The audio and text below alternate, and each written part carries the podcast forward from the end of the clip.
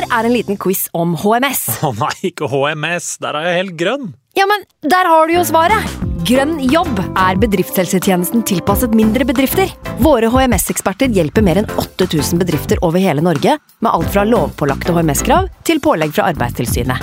Få på plass bedriftshelsetjeneste på grønnjobb.no.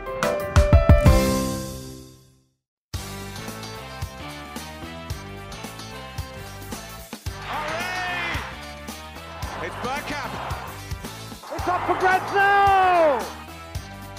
The next station is Arsenal.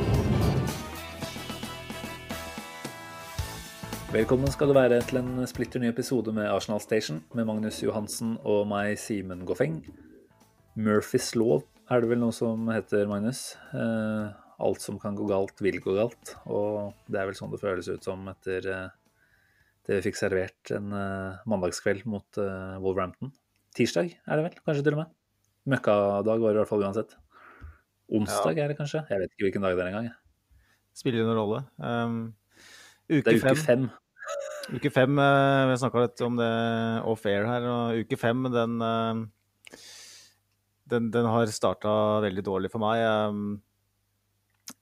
hadde en litt vond mandagsmorgen. eh, Veldig blå mandag, hvor jeg skulle eh, sette knekkebrødpakka oppi jobbsekken min, og så glapp litt taket på den, sånn at alle smulene bare raser nedover alle papirene mine. Og så skulle jeg riste av det litt, og så glapp jeg papiret opp i en sånn der eh, ildfast form med lasagnerester som det sto vann og Zalo oppi. Så alle papirene mine ble bløte og oransje. Og så skulle jeg ut og starte bilen, og så starta ikke den.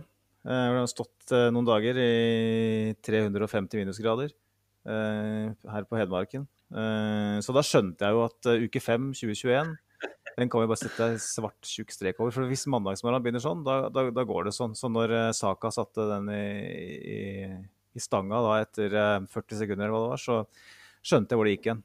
Nå er det stang ut på alle fronter. Jeg må beklage til alle lyttere som er glad i Arsenal, at, eh, at, eh, at jeg er så viktig i universet at uh, alle ting jeg er glad i, eh, og alle jeg er glad i, får, eh, får en dårlig uke fordi at jeg sto opp med feil bein. Ja, og litt av det var vel selvforskyldt òg, med tanke på at du hadde en eh, noe utagerende fest eh, i helga her, så jeg vet ikke. Ja, hysj, hysj, hysj, hysj, hysj. eh, alle koronaregler. Det, det har du på ditt uh, rene. Men, uh, men uh, jeg vet ikke om jeg gidder å podde med deg lenger når du påvirker resultatene til Arsenal i den retning. Nei, det var vel noe av det merkeligste vi har vært borti på lenge, den kampen her. Um, må jo nesten bare starte med alt det positive, syns jeg, da. For det, det var ganske mye av det. Og så får vi komme til det merkverdige etter hvert, som vi kommer ut i kampen. Men eh, vi, vi starter jo, som du sier, da, med et fyrverkeri framover. Saka har i stolpen annullert scoring hvor uh, Lacassette er uh, er det kanskje 3-4 centimeter uh, på feil side før han serverer uh, til Saka. Mye altså sånn godt etablert angrepsspill, da, hvor vi rett og slett i hvert fall føles litt som gamle Wenger-dager med litt sånn evinnelig trykk rundt ut, utsida av 16-meteren til motstanderen.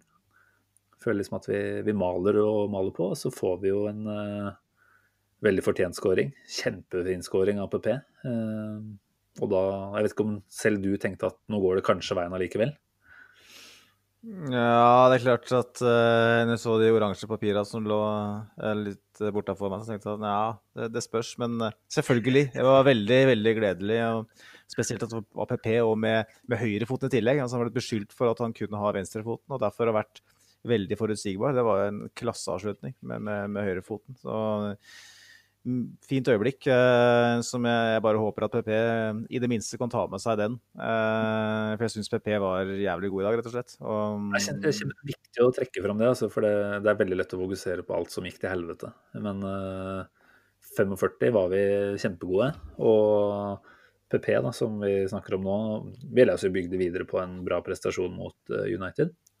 Han, eh, jeg husker jeg før den kampen tenkte at han eh, måtte ut og bevise noe her nå, nå som Saka er ute. Nå, nå får du favorittplassen din på høyre igjen, og så eh, går han ut og har en eh, en kamp i hvert fall mot United som han Han klarer ikke å skåre, men han påvirker den i hvert fall på, på mange positive måter.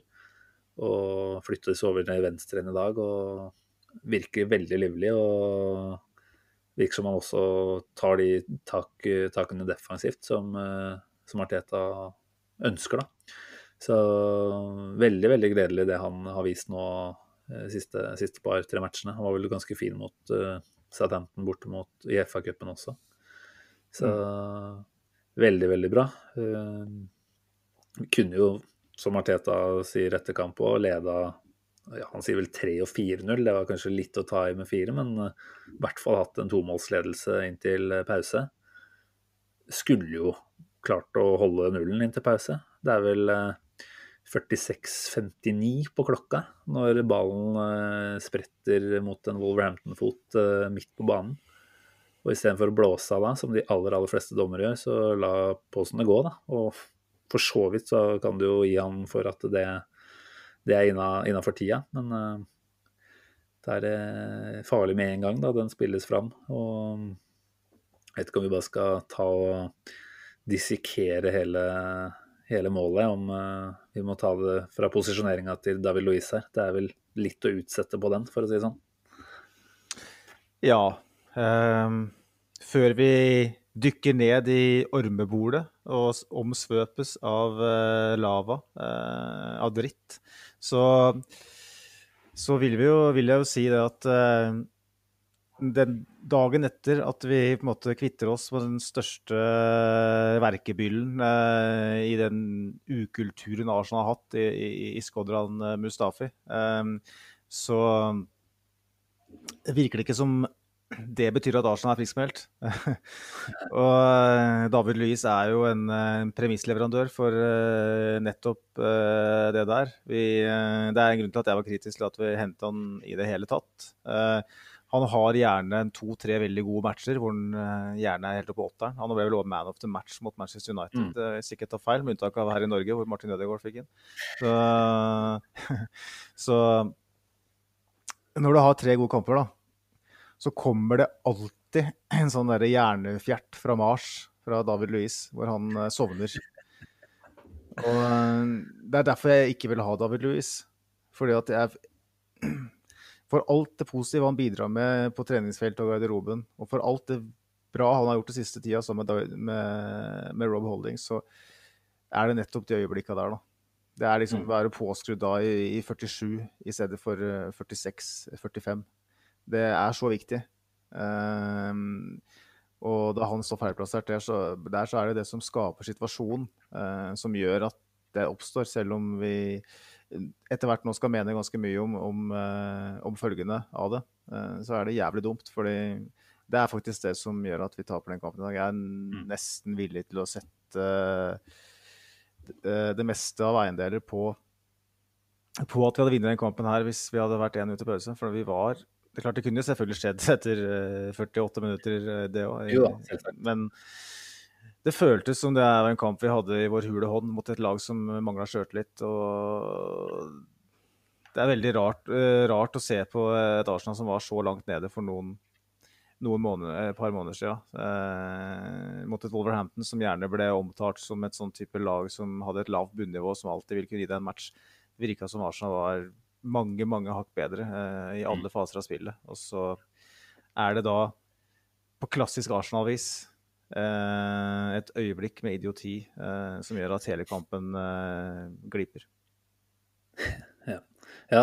bare for å ta med et innspill fra Twitter der, så skriver Håkon Førrisdal at det var muligens sesongens beste omgang, dette her. Og jeg tenkte det samme underveis i første omgang, at den lagprestasjonen vi så der nå i ja, si 46 minutter, da, var gjennomsolid og det, det, var åpenbart at vi hadde et, eh, et spillmønster om planen som, vi, som, vi, klarte å være tro mot. Sjaka eh, var ute og snakka om det i forkant, at uh, spillerne vet hva de skal gjøre, hva planen er. Og jeg syns virkelig at vi så ut som et godt sammensatt lag nå, hvor ja, det meste flyter veldig bra. Da. Mm. Ekstremt mye å være positiv over. Jeg satt allerede, må jeg innrømme, dum som jeg er, og tenka fram mot uh, Villa-kampen til helga. Tenker at ok, nå har vi tre poeng i denne her. Villa spiller dagen etter oss, uh, så de får en dag mindre hvile. Dette her begynner å nærme seg en skikkelig, skikkelig bra run. Og det er mulig at uh, den lille graden av avslappethet uh, sneik seg inn hos noen Arsenal-spillere òg mot slutten av første omgang der. Og det ble litt for komfortabelt plutselig. Og det har du ikke råd til ass, i, i Premier League særlig. Og ja, det er ikke noe tvil om at David Louis uh, er helt ute å kjøre. Prøver jo da å redde seg inn. Løper så godt han kan for å ta, ta igjen forspranget til William José. Og ser vel ut til å få hælen til William José Kakken inn i, inn i kneet sitt. Og jeg vil påstå at det er det som skjer. Det er ikke kneet til David Louis som skal vi si, finner veien til, eh, til hælen. Det er motsatt. Eh, sånn som jeg tolker eh, Louis der, så prøver han å holde seg unna. Så kan du selvfølgelig si at han må ta ansvar for at han er der han er, og at han kunne valgt å holde seg enda mer på avstand for å være på trygg is, men ja, nei, jeg, sliter veldig, veldig, veldig mye med den avgjørelsen som blir tatt her. jeg vet ikke hvor vi skal begynne. Er det Sånn at ragen vår for så vidt nå har uh, fått lov til å ebbe litt ut. Vi har snakka opp og ned nå en times tid, Magnus, før vi begynner å spille inn. Så vi har på en måte klart å puste litt inn og ut sammen og tenke for, forholdsvis klart. Uh, få din uh, første reaksjon på, på, den situasjonen der. Og det røde kortet, altså. Uh, den første reaksjonen, eh, den, uh, den, gir seg vel ikke på lufta. Uh, er korkopptrekker, tipper jeg?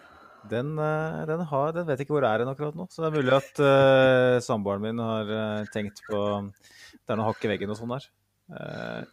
så den, den, vet ikke hvor det er. Men det er klart, det var Jeg så ikke umiddelbart at at det var eh, en sånn type ulykksalig hendelse. Jeg trodde først at det var et eh, skjortenapp.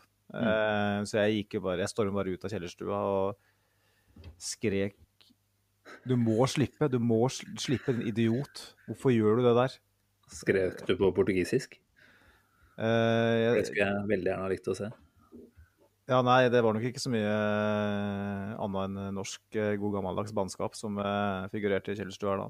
Det var Eh, men jeg så reprisa, så var det jo bare å falle ned på, på knær og, og, tenke hva i faen er det vi ser her nå, liksom? Eh, det her er som du sier, det er en, en gråsonesituasjon fordi at uh, det er vel så mye eh, William José sin fot som treffer kneet til Louis, enn som motsatt. Det er et lite sammenstøt, et ulykksalig sammenstøt som tilfeldigvis gjør at han går over ende med ballen rett foran mål.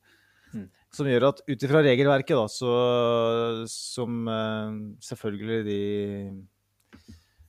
ja, Jeg skal ikke bruke de karakteristikkene jeg brukte før sending her, på de som styrer eh, dommerstanden i, i, England. Men eh, så endte det med at etter et direkte rødt kort eh, en dobbel straff uh, på en regel vi trodde vel at uh, hadde blitt endra i 2016. Og at mm. det er ikke en automatikk i at, at en såkalt uh, sistemannstakling som hindrer en målskårermulighet, eh, skal gi både straffespark og rødt kort. Men så står det vel òg definert da, at uh, som Jesper Mathisen var eh, sprengkåt på å påpeke i Premier League-studio. Eh, Gi meg noe av det han tar, da. Please. Ja, jeg har prøvd å fortrenge det, da, men det, var, det handla vel om at eh, At han hadde ja, eh, hvis det, en, eh, hvis det, er et forsøk på å, å, nå ball, så er det ikke noe automatikk at det er, eh, at det er rødt. Men hvis det er uh, no attempt to play the ball eller et, et uhell, uh, så spiller det ingen rolle. Det er rødt kort uansett, så lenge du ikke prøver å, å nå ballen. Um, men David Louise gjør jo vitterlig et forsøk på, på, noe. Det er jo ikke en Jeg kan jo forstå regelen hvis du bare prøver at, hvis du bare drar ned mannen. Mm. Hvis du bare tar et livtak rundt vann eller napper den i skjorta sånn at den ikke får avslutta det er rødt kort, ja, for det er ikke noe forsøk på å nå ball. Men han, det er, ikke, det er ikke et forsøk på noe som helst, det er et forsøk på å komme seg i posisjon og, og, sette press på spilleren. Så kommer han borti med kneet som faller. Hvordan et regelverk eh, som det kan eksistere eh, når det sitter så mange advokater og forstår seg på det og skal og sitte og bestemme. Det er jo helt utrolig at det går an. Eh, og det sier bare litt om hvor eh, på dyp, eh, dypt vann de der uh, ypperste presta er da, i toppen av uh, fotballpyramiden i England? Altså, ja, nei, det er mange interessante sider ved det her. Uh, det som slo meg nå, som altså, du sier at din første innskytelse var at Louise napper. det var det første jeg tenkte òg. Og det kan godt være at det var det første dommer Paasen tenkte òg. I så fall. Altså, det kunne vært veldig interessant å visst hva slags kommunikasjon som skjer eh, på det headsetet. Da. Eh, det er klart at eh, eh, de sitter jo med bilder som viser åpenbart at det ikke finner sted. Men eh, hvis VAR-dommeren på en måte har regelboka til, til, punkt og prikk her, og tenker at eh, ja, det er en ulykksalig hendelse som for så vidt ikke er et forsøk på å ta ball, et ordentlig forsøk på å ta ball, så, så kan man forsvare det. Men var det det hele tatt det Craig Paulson så og dømte på? Eller dømte han på noe han trodde var en skjortenapp? Eh, og så får han kanskje ikke noe korreks på, på, det det egentlig var heller, da. Altså, jeg, jeg tror da, altså hvis en dommer er ute etter å eh, skal vi si ære Mike Rileys ord, som er at uh, we want football to be seen as a progressive and forward-thinking sport, and ultimately these changes have been made to try and improve the game. Hvis det er tilfellet, og du ønsker å improve gamet, da, da viser du ikke ut en spiller uh, på grunn av noe sånt. Da. Du gjør ikke det. Fordi jeg tenker at dommeren er i sin fulle rett til å bestemme at dette her er et hendelig uhell. Bruk sunn fornuft i et gult kort. Så jeg vet ikke, vi får sikkert høre mer, eh, eller kanskje ikke. Men eh, det kunne vært veldig spennende å visst uh, hva som ble tenkt da, av, av de to dommerne som for så vidt tar avgjørelsen i den situasjonen her. Ja. Eh,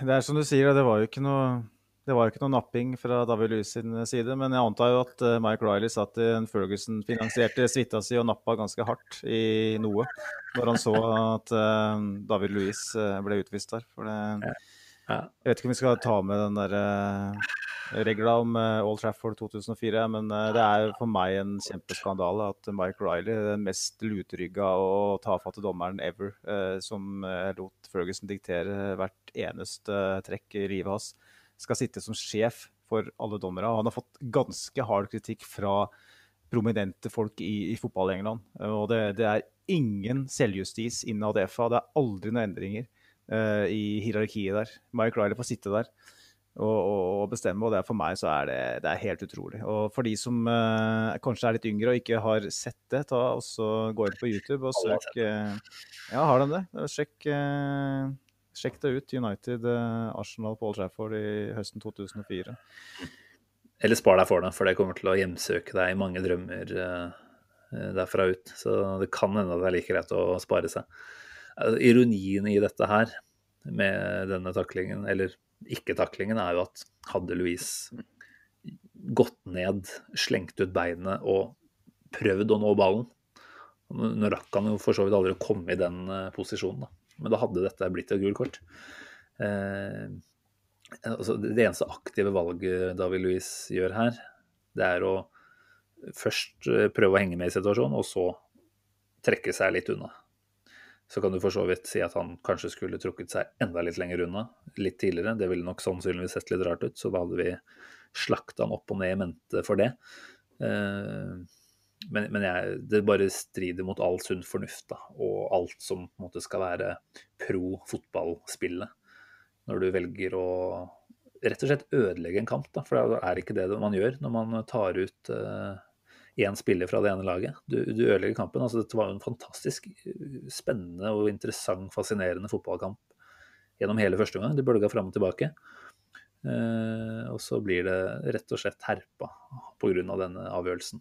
Og så ja, Jeg skal ikke si at David Louis ikke har en del av ansvaret her, for det har han jo åpenbart. Men uh, jeg vet ikke, Skal vi diskutere litt reaksjonen til spillerne også? For det, det lurer jeg jo på om har litt å, litt å, si for den endelige avgjørelsen, det også. Da. At uh, David Louis sitter relativt resignert og tar nesten bare imot det røde kortet. Noe håndfekting og sånt er det vel. og jeg ser Cedric er oppe hos dommeren med en gang det røde kortet kommer. Men bortsett fra det så ser det ut som spillerne aksepterer at OK, dette er rødt kort. Og da tenker jeg at eh, terskelen for posen for å overprøve det eh, ikke, ikke, er så veldig Hva blir det da? Den er ikke så veldig lav. Eh, da, da trenger han liksom ikke å gå og revurdere dette her i noe særlig grad. da. Hvis det hadde vært helt åpenbart for, for han at oi, dette her er en omdiskutert uh, avgjørelse, ut ifra spillernes reaksjoner, så hadde han kanskje følt et litt større press på å kanskje gått og se på det en gang til på egen hånd. Jeg vet ikke. Mm. Nei, jeg, jeg, tror, jeg, tror, det. Um, det.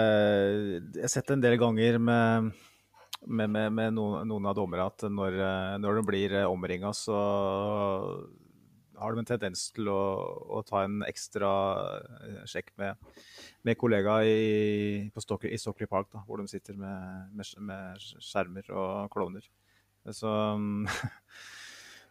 det er uh, litt uh, symptomatisk for, uh, for Arsenal, da, som på en måte er litt for snille på en måte i en sånn situasjon. Og likevel så har vi mm. flere røde kort enn noen andre siden Arteta tok over. Ja, det er ganske drøyt òg, er det ikke? Det ble vel sagt ni eh, på, på den eh, sendinga på TV 2. Jeg vet ikke om det stemmer, eller om det kan være åtte, jo. muligens. Det er ni med, med Bernt Leno sin, for jeg hadde vel sju i forkant. Ja, det var sju før det? Ok. Ja, så, ja. Og neste lag på den lista i Artetas uh, æra, den, det er tre. Som er altså tre ganger så mange røde kort som neste på lista. Det, du tror det ikke. Og man kan jo ta en dyptgående diskusjon på om hvert enkelt av de røde kortene er riktig eller ikke. Men uh, man lurer jo litt igjen da, på om handler dette her også i noen grad om en slags bias fra dommerstanden. Uh, er det sånn at Mike Riley kaller inn uh, mannskapene både før sesong og underveis og messer inn om at uh, ruskegutta at Arsenal er fortsatt dette litt sånn fintspillende, eh, snille laget som aldri gjør noe galt. Så hvis de gjør noe galt, da er det i hvert fall rødt kort. Og mm. de skal selvfølgelig tåle mer enn de fleste andre òg, fordi det å drive med overstegsfinter og tirre motstandere og rett og slett erte de, det må de jo forstå at vil, vil få konsekvenser. Det er sånn at du lurer da på Mike Riley sitter og liksom, innprenter et slags eh, Arsenal-hat. da. Jeg tror ikke det er så ille, altså. Jeg bare hvordan skal man forklare at vi sitter med så mange røde? Noen av de er OK, de er greie. Men sånn som Nketia mot Leicester uh, Uhell, uflaks rødt kort. Altså, tenker uh, Det kan forsvares, men i mange tilfeller bare dagen etter, som du har minna meg på tidligere her i dag. Bare dagen etter hvor Tarkovskij på Burnley gjør det mye styggere i en ganske lignende eller sammenlignbar situasjon. Blir ikke rødt kort. Mm. Eh, der blir det gitt eh, til Nketia. PP, eh, som egentlig ikke er en headbutt på Alioski, men en bevegelse imot, selvfølgelig. Ja, du vet at du har VAR i disse dager. og Det er nok mange som har tatt konsekvensen av det ved å slutte å gjøre sånne dumme ting, for det er det jo selvfølgelig. Men nok en gang så tenker jeg at det er ikke sånne type handlinger. altså Voldsomme handlinger er ikke noe vi forbinder med Arsenal. da. Det er ikke noe dommerstanden forbinder med Arsenal.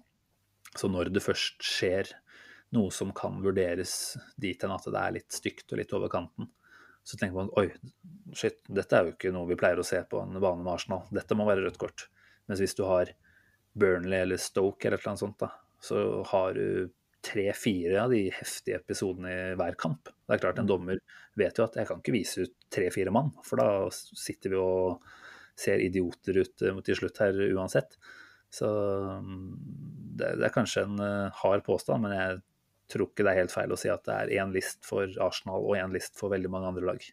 Jeg tror det er et veldig viktig poeng, eh, Simen. Veldig godt poeng òg. Um, du ser andre, andre lag, eh, mer eh, kall det kyniske, stygtspillende lag, eh, slipper unna med ganske, ganske mye. Eh, mens hver eneste gang Arsenal gjør noe som kan tolkes Eh, som eh, et rødt kort eh, eller noe straffbart, så virker det som de sitter og, med pekefingeren på sånn blindeskrift og bare napper frem og tilbake. Nå skal vi ikke snakke mer om napping i denne episoden her.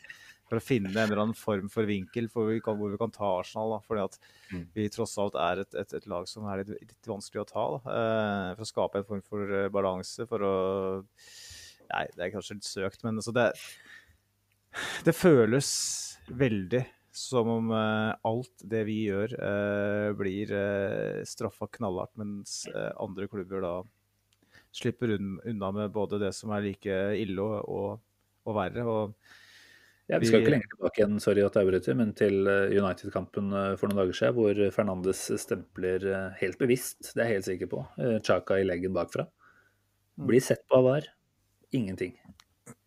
Greit nok at ikke de kan Det er vel en regel kanskje som sier at ikke man kan gi gult kort. Det er enten rødt eller ingenting. Men eh, at det ikke var i, i nærheten av rødt, det får meg ikke til å tro. Altså.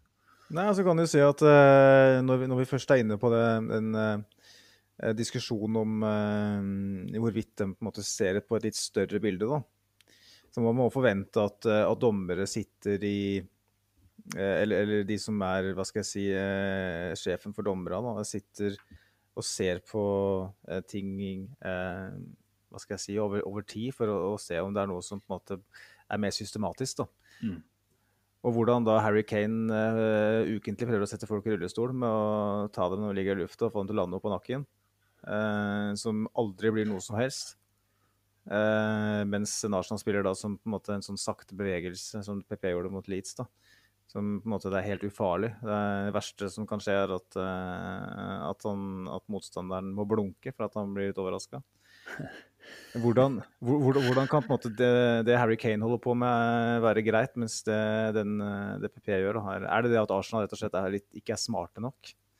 Ikke, ikke, det at, at, Harry Kane gjør deg smart, for det er direkte farlig, det han driver med. Men for en idiot Harry Kane er. Um, Takk. Da fikk vi satt med det også. men uh, hvorfor uh, altså det, det, det, er et spørsmål vi må stille oss når vi snakker om at Arsenal kanskje blir behandla litt uh, ufordelaktig. Mm. Er, er, er, vi ikke smarte nok, da? Er det, er det et betimelig spørsmål å stille? Simen, hva tenker du? Ja, altså noen av de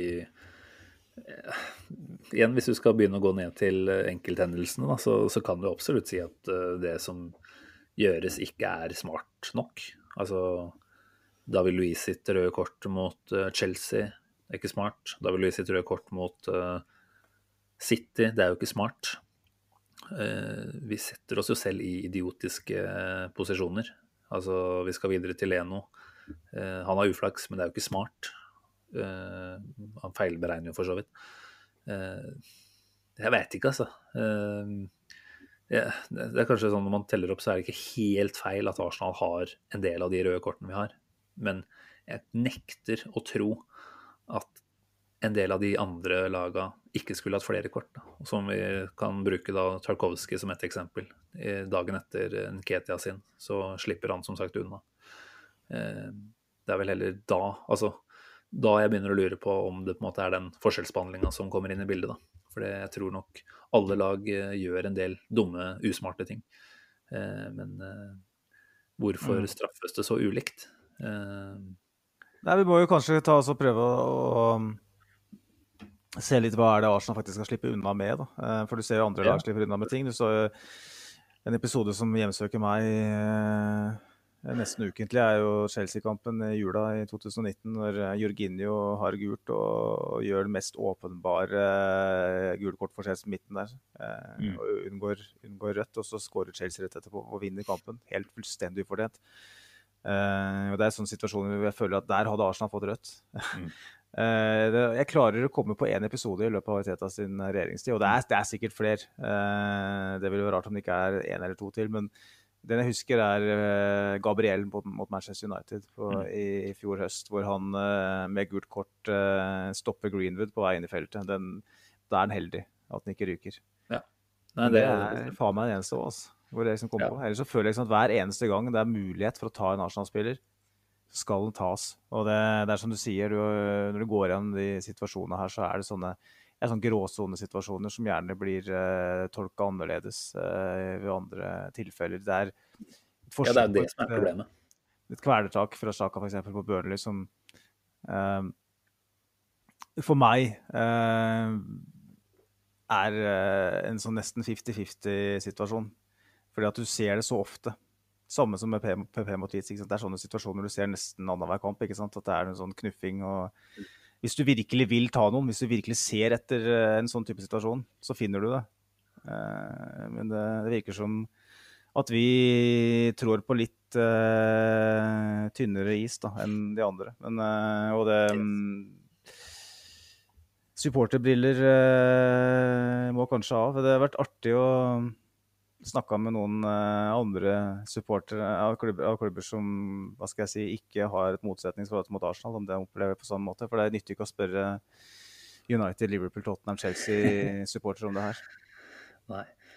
Nei, jeg vet ikke hvor eh, nyttig det er å dra den diskusjonen her altfor langt ut akkurat nå heller. Det er jo, I verste fall så kommer det vel tilbake til oss og blir aktuelt igjen om ikke så lenge. Så kan vi eventuelt prøve å forberede en innhenting av noen synspunkter da. Men eh, bare for å oppsummere kort, da. Det kan vel tyde på at regelverket sånn som det, eh, sånn som det er skrevet, eh, på en måte kan forsvare det røde kortet som blir gitt i dag til David Louis. Eh, og hvis det stemmer, så tenker jeg at da er det på høy tid å sette, en slags, eh, sette inn en slags ny regel for akkurat dette med sånne accidental fouls. Da. For det, jeg føler at eh, det, det omfattes ikke på en ordentlig måte av regelverket, det vi så i dag. Og det er åpenbart ikke til fotballens beste at det blir på den måten her. Og hadde det vært motsatt, og jeg tenker at det er en sånn god benchmark for å vurdere egne situasjoner som går på, mot eget lag. Eh, hvordan hadde vi tenkt om det hvis det var motsatt, at det var eh, Wolves som fikk en utvist på det? Vi hadde jo tenkt at eh, dette her er drøyt strengt, rett og slett. da. Vi hadde selvfølgelig tatt imot straffa og et gult kort med takk, og det hadde vært riktig, men eh, å få den Ja, det blir jo den trippelstraffen da, nå med utvisning og, og suspensjon i neste kamp. Så jeg vet ikke om vi skal på en måte si oss ferdig snakka den, eh, om den situasjonen der nå, eller bevege oss litt videre i kampen. Ikke at det var så veldig mange høydepunkter å bi seg ut på videre, men eh, det, det er jo på det tidspunktet da 1-1 til pause. Eh, vi gjør et stoppebytte. Gabriel Nei, vi gjør ikke et stoppebytte, vi henter inn en stopper og tar ut Lacassette. For så vidt et OK, fornuftig bytte. Så går det da å være tre minutter før Motinho får drømmetreff.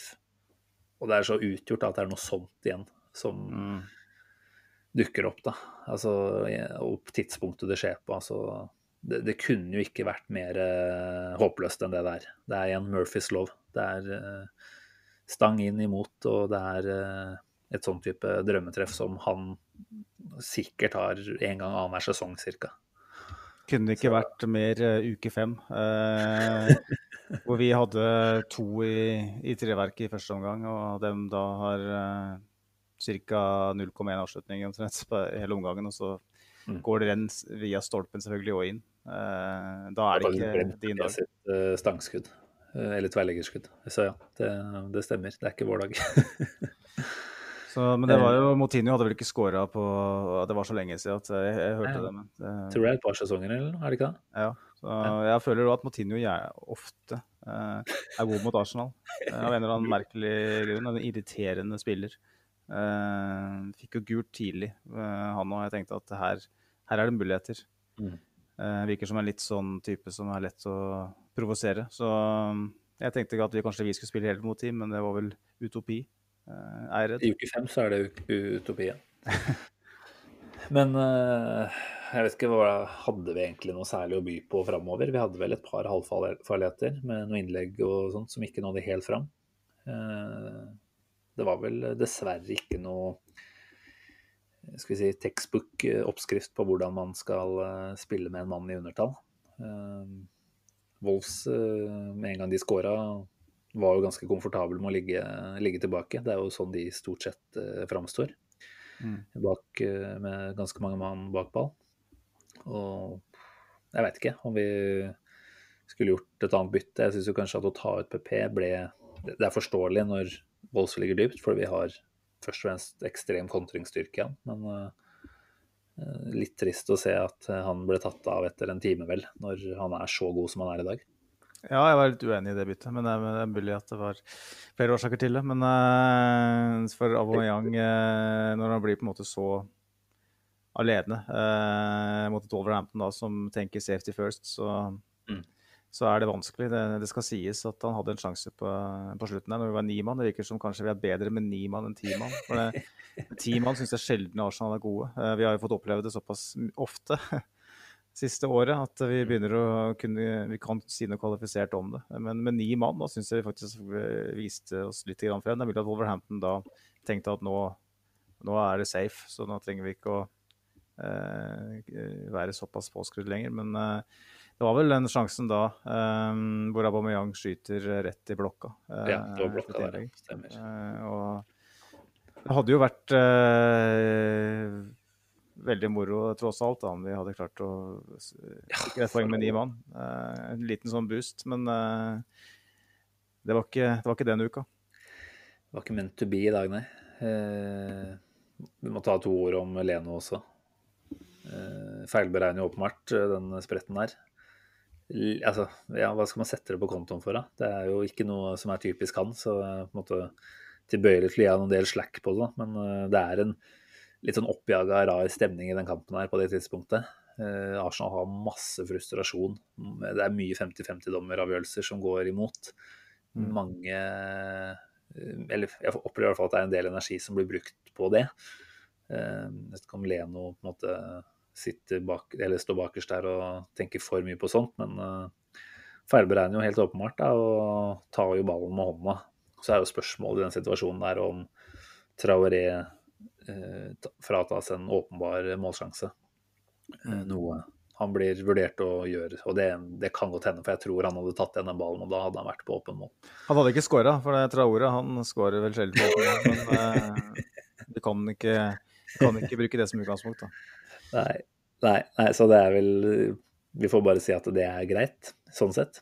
Vi frykta jo Runarsson i mål eh, for et par uker tilbake og tenkte at åh, vi fikk inn Matt Ryan. Men jaggu så er jo han skada, så da ble det Runarsson inn. Eh, elleve eh, minutter pluss tillegg. Holder nullen, det skal han ha. Eh, men viser jo igjen prov, tenker jeg, på at uh, dette er jo bare å få vekk. Han har vel et utspill eller to med beina der som ikke er betryggende i det hele tatt. Og du ser at medspillerne, Chaka, Holding, det er bare oppgitthet. Hva er det du driver med? Eh, for guds skyld, i den grad vi skal dra inn han her, så håper jeg vi har Matt Ryan klar til Aston Villa. Jeg vet ikke hvordan det er med den skaden hans.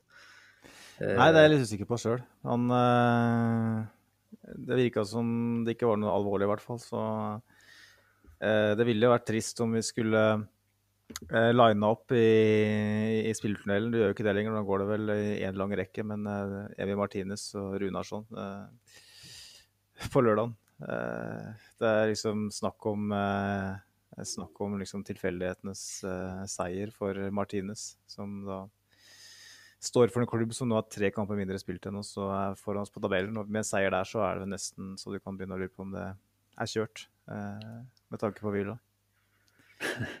Ja. Ja, jeg vet ikke hva jeg vil si til det. Nei, det var en negativ take, men det er liksom føler at det liksom Veldig uke fem, da, at Martinez skal ja, jeg, skal, jeg skal slutte med de greiene der. Men uh, jeg vet ikke om, um, om uh, Runarsson uh, bør stå hvis Matt Ryan er skada, eller om han Okonko bør uh, Det kan vi vel si at vi, vi ser gjerne en tabbe fra Okonko heller enn Runarsson. Eh, det, det, hadde vært helt greit å akseptere, mens Runarsson allerede brukte opp sin konto. Eh, ja, er vi sånn sett ferdig med å snakke om eh, denne kampen, eller? Jeg kan jo legge til at um, Jeg har sett den der um, Leno-situasjonen i reprise et par ganger nå, så det er jo litt komisk, eh, tragikomisk, kan du si. Eh, fordi idet han eh, slår den ballen med, med, hånda, så gjør han en sånn bevegelse med hodet. Så han skal prøve å, å Gudson eh, litt eh, senka Gudson der. Eh, som gjør at det blir liksom litt mer sånn åpenbart hva han gjør. Eh, han burde jo egentlig bare ha latt den ballen treffe den. Mm. Uh, for da tror jeg da hadde ballen stoppa, så da hadde han vel fått, sannsynligvis fått et gult kort, tipper jeg. Uh, mm. Hvis ikke det hadde vært en sånn veldig sånn åpenbar bevegelse. Så det er jo igjen en sånn uh, Hva skal jeg si, ja? litt sånn arsenalsk, da. At, at, han gjør akkurat det når vi på en måte ligger nede og blir sparka og helt med, med, med, salt i sår. Men det var rett og slett mye si føles veldig, veldig arsenalsk, egentlig, med den kampen her. Sånn, ikke good old, men uh, en kamp hvor vi helt åpenbart egentlig er uh, godt gående og nesten kan cruise inn til tre poeng, så finner vi en eksepsjonelt tullete måte å kødde det til på. Det var godt uh, Joel Campbell kom seg ut mens han kunne. ja, det trøster jeg meg faktisk med hver eneste dag, at Joel Campbell slipper å være med på dette her. Takk for pris. Uh, ja. Det er gått uh, eh, 40 minutter, Magnus. Uh, hvor mye mer kan man si om den kampen? Det er kanskje greit å la det være der? Ja, jeg tror det. Vi, vi har noe jeg, jeg, har bare lyst til å si, da, for å avslutte um, Jeg syns det er viktig å prøve å bare sette en feit strek over dette her.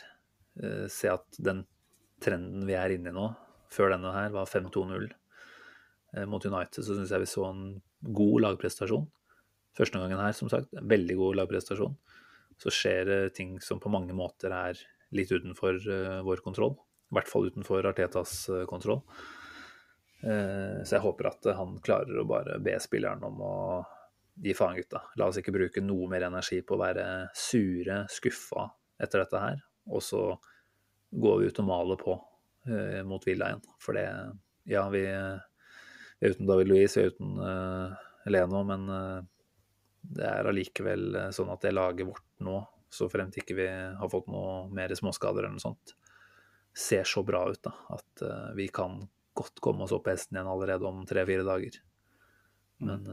det blir veldig spennende å se hvordan vi responderer på det her.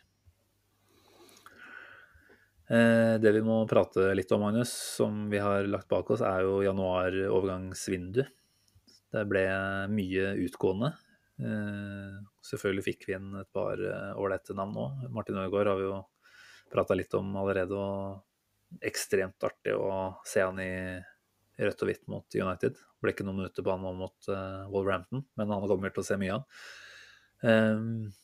Edu har jo vært på jobb, han. Må jo si at han er han har blitt beskyldt tidligere for å være litt lat, kanskje.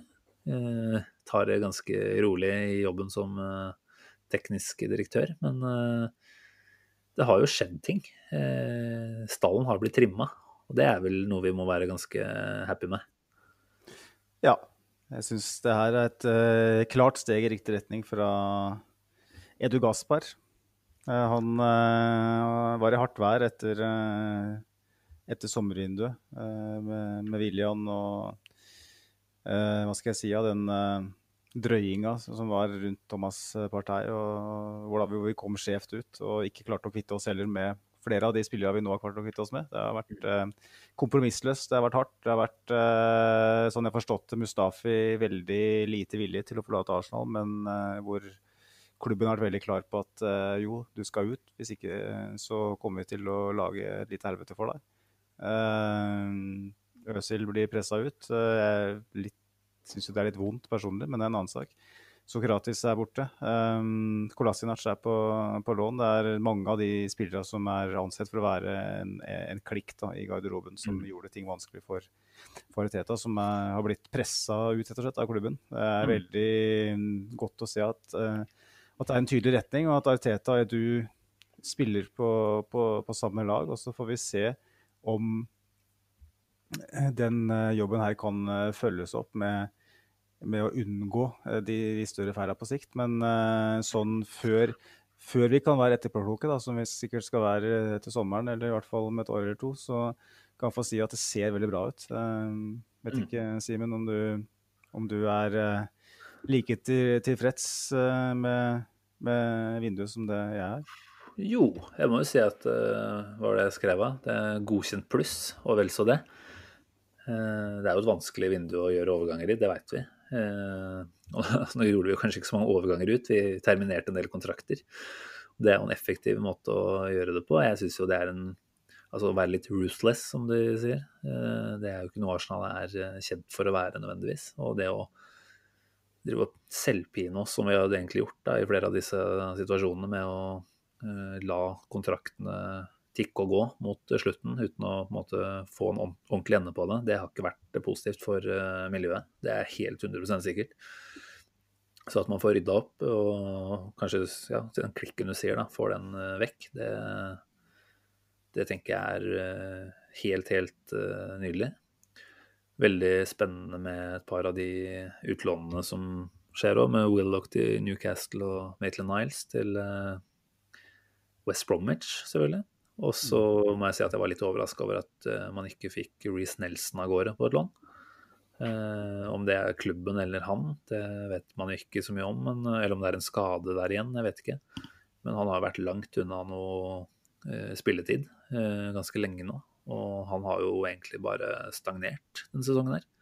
Mm. Så mm, jeg må si at eh, i den grad han kunne påvirke noe sånt selv, så er jeg veldig overraska over at han ikke har uh, pusha på for, en, eh, for et utlån. Jeg tror det er flere lag på nedre halvdel i Premier League som gjerne kunne tatt Reece Nelson. Ser jo full jeg mente han Josh uh, Maja fra Bordeaux eller noe sånt, som Mm. har vært i Sunderland tidligere. Så ok, Kanskje en renere spisstype, men han, at Reece Nelson kan bidra med noe framover for en del Premier League-lag, det, det er jeg ganske sikker på. Så, så den stusser jeg veldig over. Um, tenker det er et sted vi har god dekning òg. Da er jeg mer eh, tilbøyelig til å si at eh, å låne ut Maitland Niles er litt uh, sjansespill, med tanke på at han, selv om han ikke har vært noe kjempealternativ på en ren venstrebekk, så har han i hvert fall vært en mann der. Uh, plutselig ser vi litt tynne ut uh, bakover der. Vi ble jo rykta til Ryan Bertrand og Tariq Mitchell som backup på venstrebekken. Det var vel en skotsk unggutt òg, som det ble snakka litt om. Mm. Eh, så da sitter vi igjen med han der eh, Joel Lopez da, fra akademiet. Som den skal vi si, rene venstre back-backupen. Og så har vi jo selvfølgelig Cedric som brukes der, da. Eh, og han har for så vidt gjort en grei figur i det siste. Så, men vi er litt tynne der, da. Så hvis vi skulle tr- trillet en terning eh, og kalt den svak eller sterk, så er vi vel på en eh, I hvert fall en sterk firer, tenker jeg. Eh, Det er, det er vanskelig å si helt med økonomien i disse Altså hva slags sluttpakker er det som har blitt eh, utbetalt eh, når man har terminert kontrakter. Det, er, det har ikke vært gratis å gjøre det, helt åpenbart. Men det har vært et stort pluss for, for garderobemiljøet. Så sånn sett er det veldig bra, men det, er, det er jo ikke noe perfekt overgangsvindu dette er heller.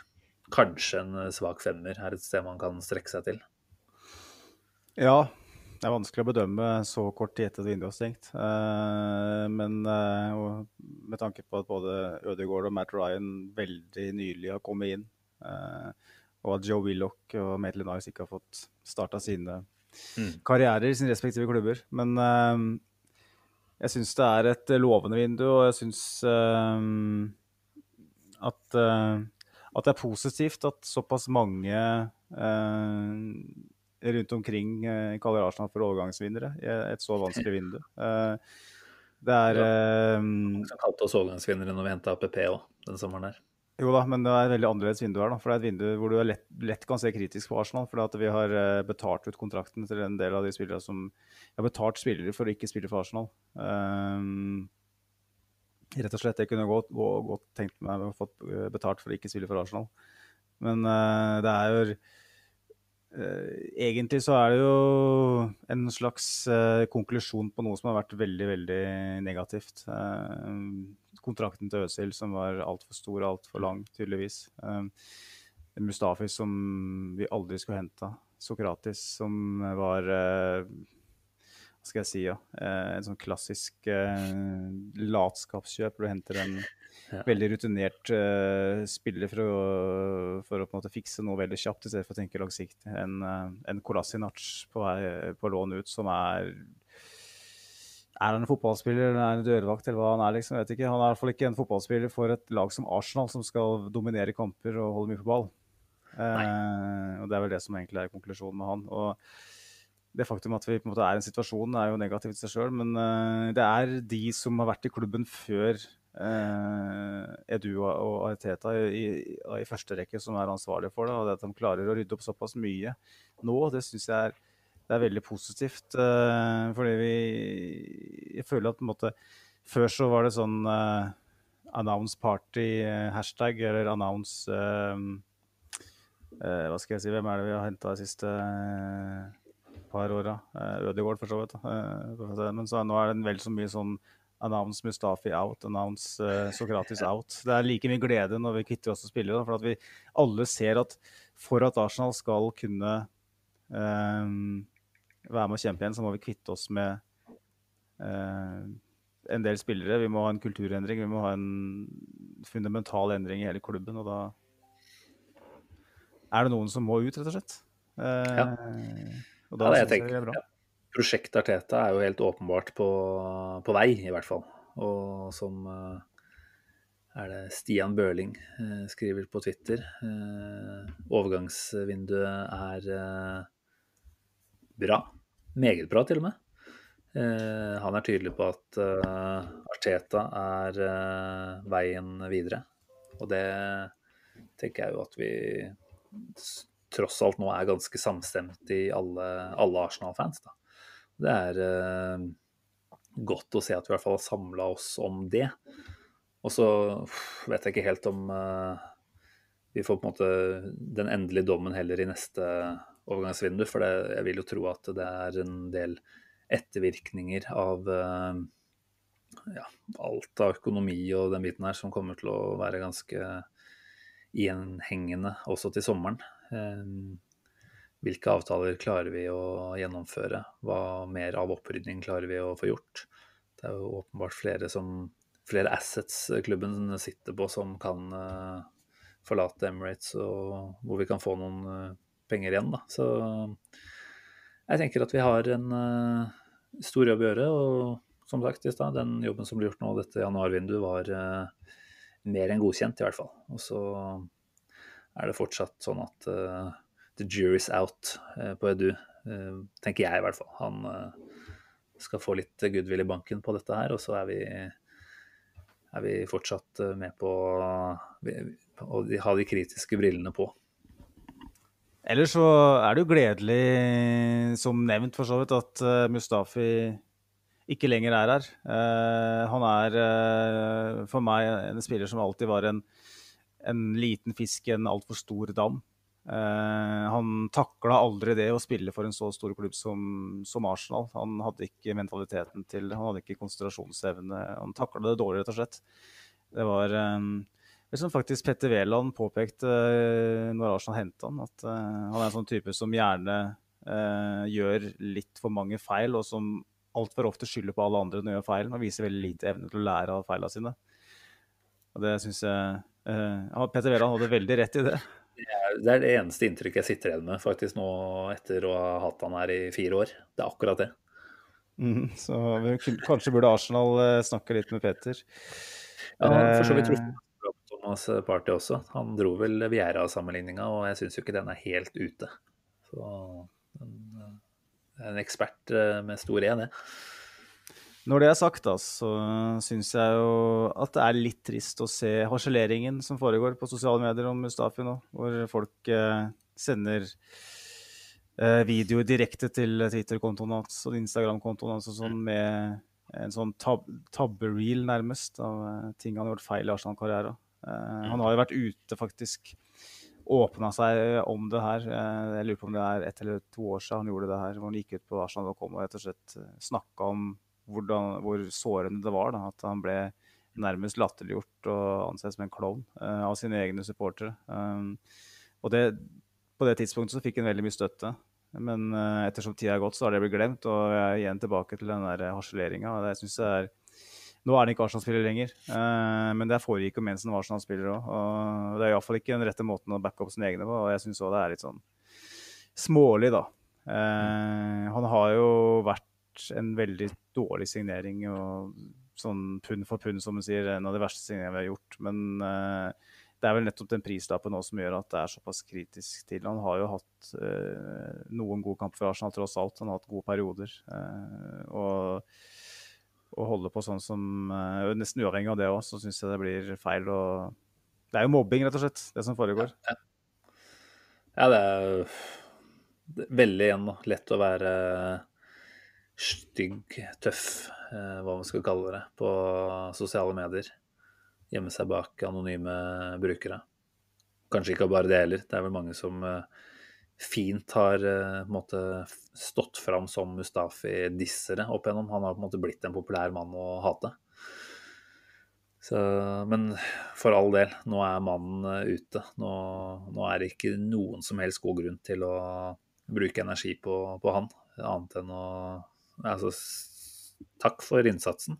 Han var ikke god nok. Det, var jo nok mange som visste da vi overbetalte, overbetalte for han og gjorde han til vår dyreste forsvarsspiller gjennom tidene. Og så til tross for en god start med mange smultringer eh, i oppstartsfasen her, så, så har han jo vist seg som en eh, vandrende klovn, da. Du må vel si det. Både i forhold til de tabbene han har gjort, og jeg må si noen av de der eh, faktene han har holdt på med hvor han står på hendene på treningsfeltet og sånt jeg, jeg, har ikke vært en av de som har uh, vært ute og dissa han eller mobba han, men jeg må jo si at jeg syns det, det ser litt for dumt ut. Litt for dumt. Og I hvert fall når du ikke kan backe det med ordentlig gode prestasjoner. Men uh, greit nok. Fint at du måtte, tok et lite, et lite, oppgjør med den biten der òg. Det tenker jeg er på sin plass. Jepp. Eh, bare som et lite parentes her, så ser jeg forresten at United, som bøtter inn mål, fikk straffe på 7-0. Og Mike Dean er det som dommer den kampen. Ganske sammenlignbar situasjon med David Louise, hvor eh, Bednarik eh, måtte krysser inn bak Martial, og det er kneet hans som uh, toucher. Uh, får rødt kort i situasjonen. Uh, jeg vil si at denne situasjonen er enda verre, fordi Marcial henger igjen beinet sitt, i hvert fall sånn som jeg kan se det. men igjen, da da lurer jeg på om vi på en måte kan begynne å konkludere med at det er både VAR, dommerstand og Mike Riley på toppen som rett og slett er modent for nok en review, da. Ikke bare VAR-reviewen. Men ja, du ser kanskje ikke på den kampen, så da kan vi droppe Jeg var inne på VG Live og sjekka nå, og det, det var jo nok en sånn uke fem-hendelse. 9-0, ser det står. Er, det, er, kampen slutt, eller? Det er, ikke, det er fem minutter på overtid der. Men Vær så snill ikke ta, tangere. Ikke noe, ikke noe ny rekord i ligasammenheng. 9-0 får holde. 9-0 er vel det samme de hadde mot Ipswich i, for en stund tilbake, mener jeg. Les, Les, nei, Southampton de er vel uh, andre gang på ja. et år eller noe sånt at de taper 9-0. Tåler, uh, tåler Hassenhyttel denne, da? Ja, det gjør nok. Men uh, det, er ikke positivt. Nedadgående ganske lenge nå. Men uh, vi får vel tro at han, eh, han slipper unna den her òg. Der var det slutt. Da trenger vi ikke å snakke mer om det. Uh, kan vi ikke begynne å si at vi nærmer oss uh, slutten på disse diskusjonstemaene våre, Magnus, og hoppe videre til ukas eneste høydepunkt, som er X-spillerspalten. Jeg håper jo at du har i vanlig stil gjort deg flid og skapt et lite eh, mesterverk som du har planer om å presentere her? Føles eh, litt upassende, egentlig. Eh, det som har blitt eh, jobba med denne uka her. Eh, ja, Vi trenger jo en eh, opptur, men da er det kanskje ikke det vi kan håpe på, når du sier det du sier? Ja, det er vanskelig å svare på, men vi, dere får gjøre det på en mening etter uh, vi er ferdig. OK. Vi, vi er litt til øret. På ærverdige Wembley stormer det fire mann til med gule vester. Tim Sherwood ligger i gresset og vrir seg i smerte. Treneren hans ser med store øyne på synderen. Den fremtidige Spurs- og Villa-manageren hadde blitt tilintetgjort av sin egen lagkamerat. Før kampen. Før oppvarmingen. Under en five-a-side-økt hadde rullegardina rikosjert igjen, og dagens X-spiller stupte inn med to strake bein, ledende med sylskarpe metallknotter. Tim Sherwoods navn måtte strykes fra dommerkortet. Noen timer senere ble villbassen konfrontert med ugjerningen og bedt om å forklare hva Sherwood hadde gjort for å fortjene nedslaktning på høylys dag. Svaret oppsummerer dagens X-spiller godt. Han rundlurte meg i en ligakamp for åtte måneder siden, og siden har jeg hatt lyst til å hevne meg. Selv om vi som Arsenal-fans neppe sender julekort til Mr. Sherwood, kan vi ikke la være å reagere på den hensynsløse oppførselen. Samtidig var dette en integral del av måten denne Arsenal-spilleren agerte på. Uten denne halvt psykotiske fandeninnvoldskheten er det høyst usikkert om han hadde evna å skape seg en karriere på dette nivået. Som den første spilleren Arsenal henta tilbake etter å ha solgt siden andre verdenskrig, grep han sin andre sjanse i N5 med begge hender. På grunn av kometkarrieren til en akademikollega ble han først skvisa ut av Highbury. Men klubben hans var alltid Arsenal. Etter å ha tilegna seg allsidige egenskaper i rivaliserende klubber ble han etter hvert en del av en svært berømt forsvarskonstellasjon. En ugjennomtrengelig mur av hardberka britiske gladgutter. Dog var kanskje ikke denne villstyringen alltid like lett til sinns. Han var notorisk hevngjerrig og lot seg særdeles lett provosere av både lagkamerater og motstandere.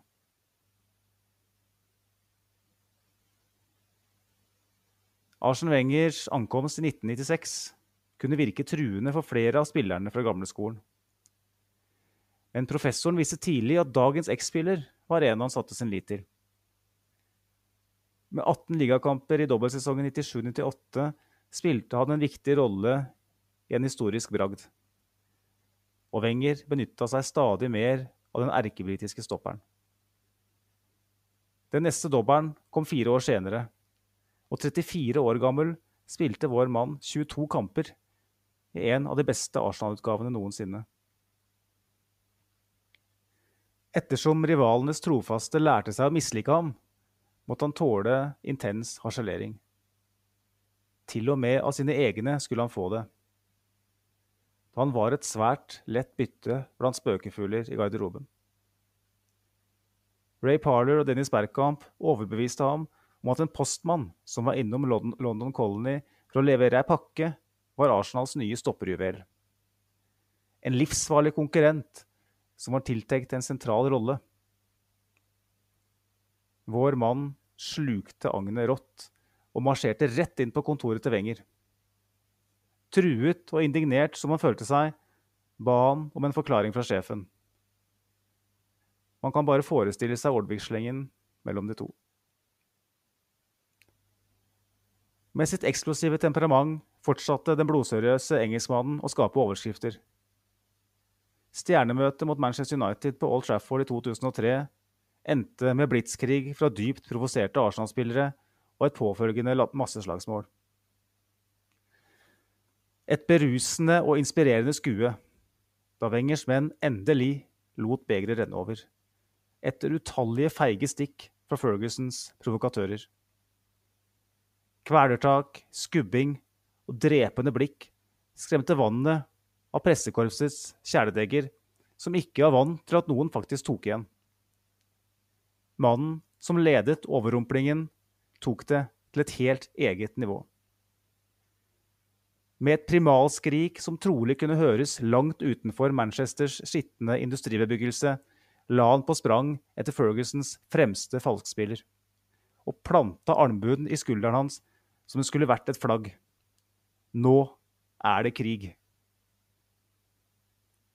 Et bakholdsangrep som får Aleksandr Bolsjunovs overfall av Jon Meki til å fremstå som en svingom på eldresenteret. Ansiktsuttrykket, som er foreviget av fotografene, vitner om en lidenskap som grenser til galskap. Hvis et blikk kunne drepe, sier man gjerne. Vel, er det ett blikk som faktisk kunne endt med enebolig med torvtak, så er det dette. Ruth van Nistelrooy så regelrett lamma ut.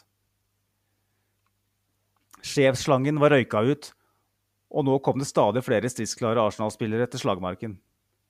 At det hele endte med masser av karantener, er 100 verdt det. Mange Arsenal-fans har aldri vært stoltere. Noen måtte stå opp mot uretten, mot slibrigheten, mot jukset. Og det måtte være han. Det måtte være mannen med det villeste konkurranseinstinktet og med den største rettferdighetssansen. Mannen alle elsket å tirre, men ingen våget å terge. Mannen som selvsagt avslutta sin Arsenal-karriere som en invincible. Martin Raymond Keown. Jeg må si at uh, Veldig bra, først og fremst. Veldig bra, Magnus. Likte den veldig godt. Og jeg er absolutt en av de som uh, ser på tidligere nevnte videoklipp. For det Nei, forresten, det var jo en annen kamp, sorry. Men, uh, men også dette videoklippet er jo et man ser på tilbake, og ja, du, du bruser litt på, på, ryggen, rett og slett. Da. Du kjenner at uh, dette er noe man blir litt stolt av, rett og slett. Det å se noen rett og slett OK, det var kanskje et litt lompent uh, angrep, akkurat det han gjorde på Van Nistelrooy, men fader heller så fortjent det var. Og akkurat den historien om, uh, om postmannen, den, den, har jeg hørt sånn halvveis før, så det er fint å få den gjenfortalt.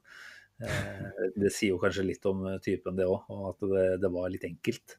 men nei, han har for så vidt brent seg fast i Arsenal-historien på veldig mange måter. og eh, Som Invincible så skal du jo selvfølgelig sette det høyest, men, eh, men, det er nok en del av meg som tror at han eh, kanskje er vel så happy med den eh, opptredenen på Old Trafford den dagen.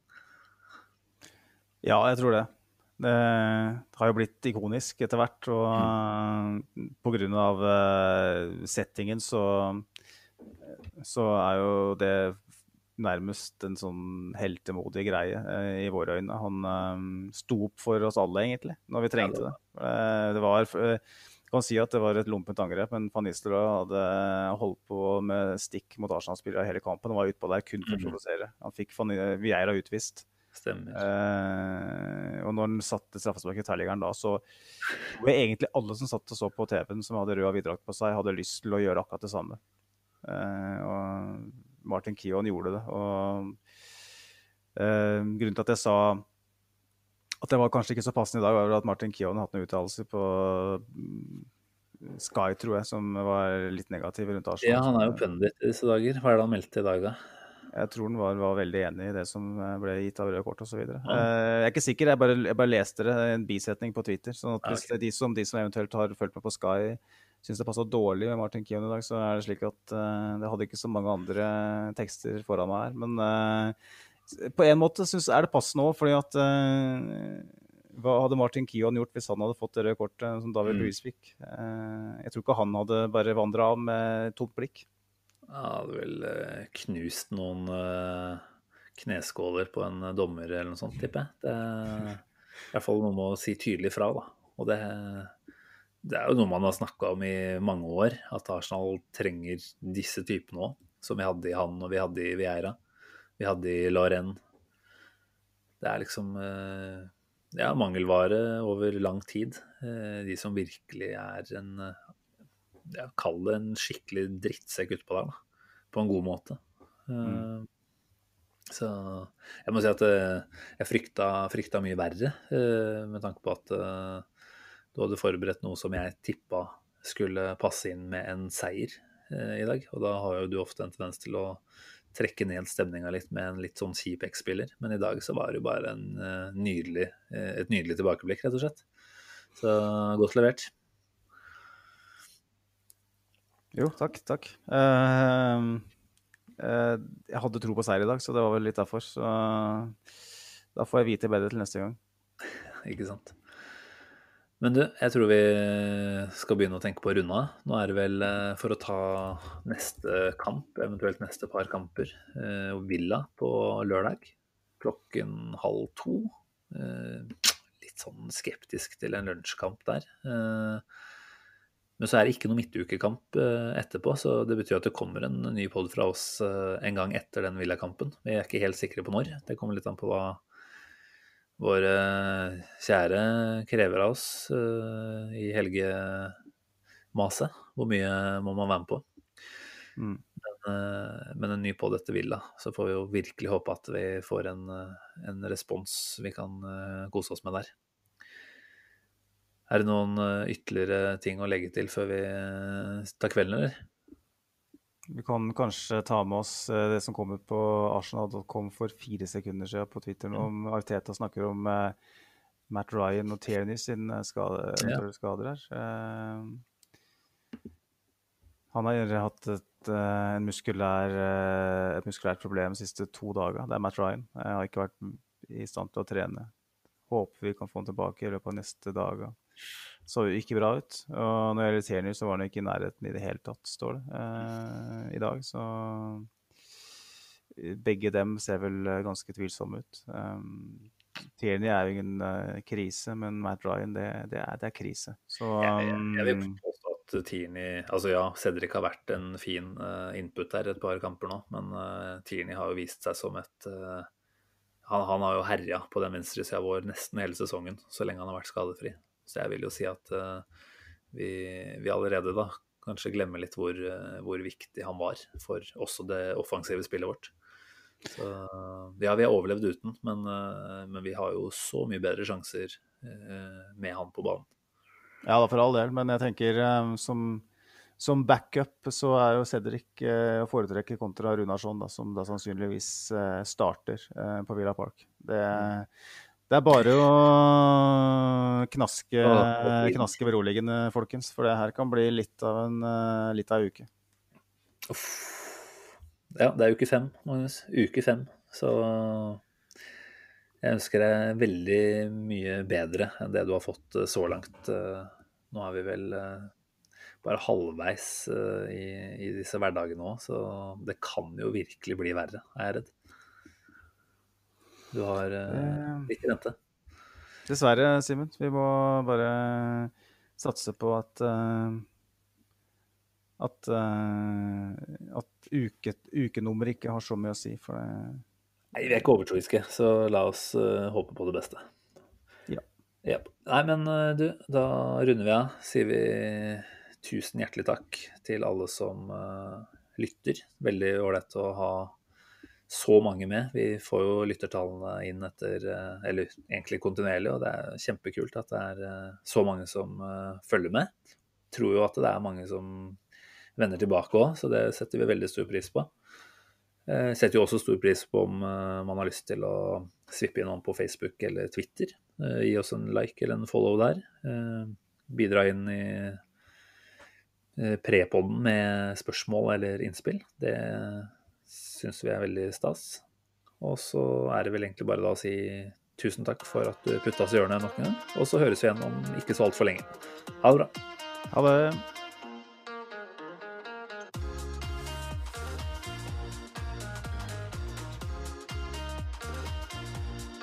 This train terminates here.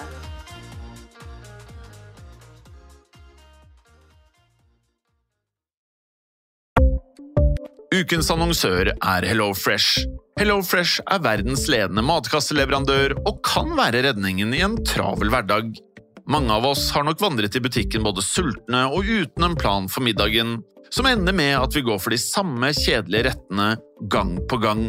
Middag burde være dagens høydepunkt. Som HelloFresh kan du nå velge mellom 25 ulike retter hver eneste uke, eller få HelloFresh til å sette sammen menyen for deg. Dette gir deg muligheten til å prøve nye og spennende retter alene eller sammen med familien.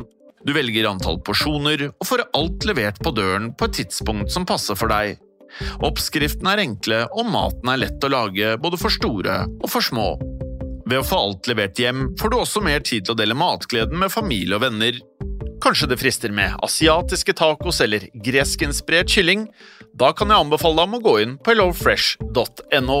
Her kan du bruke koden FOTBALL og få opptil 1779 kroner i rabatt på de første fem matkastene hvis du ikke har prøvd Hello Fresh tidligere.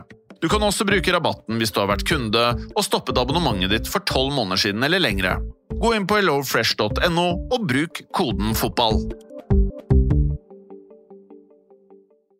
Har du et enkeltpersonforetak eller en liten bedrift? Da er du sikkert lei av å høre meg snakke om hvor enkelt det er med kvitteringer og bilag i fiken, så vi eh, gir oss her, vi. Fordi vi liker enkelt. Fiken superenkelt regnskap.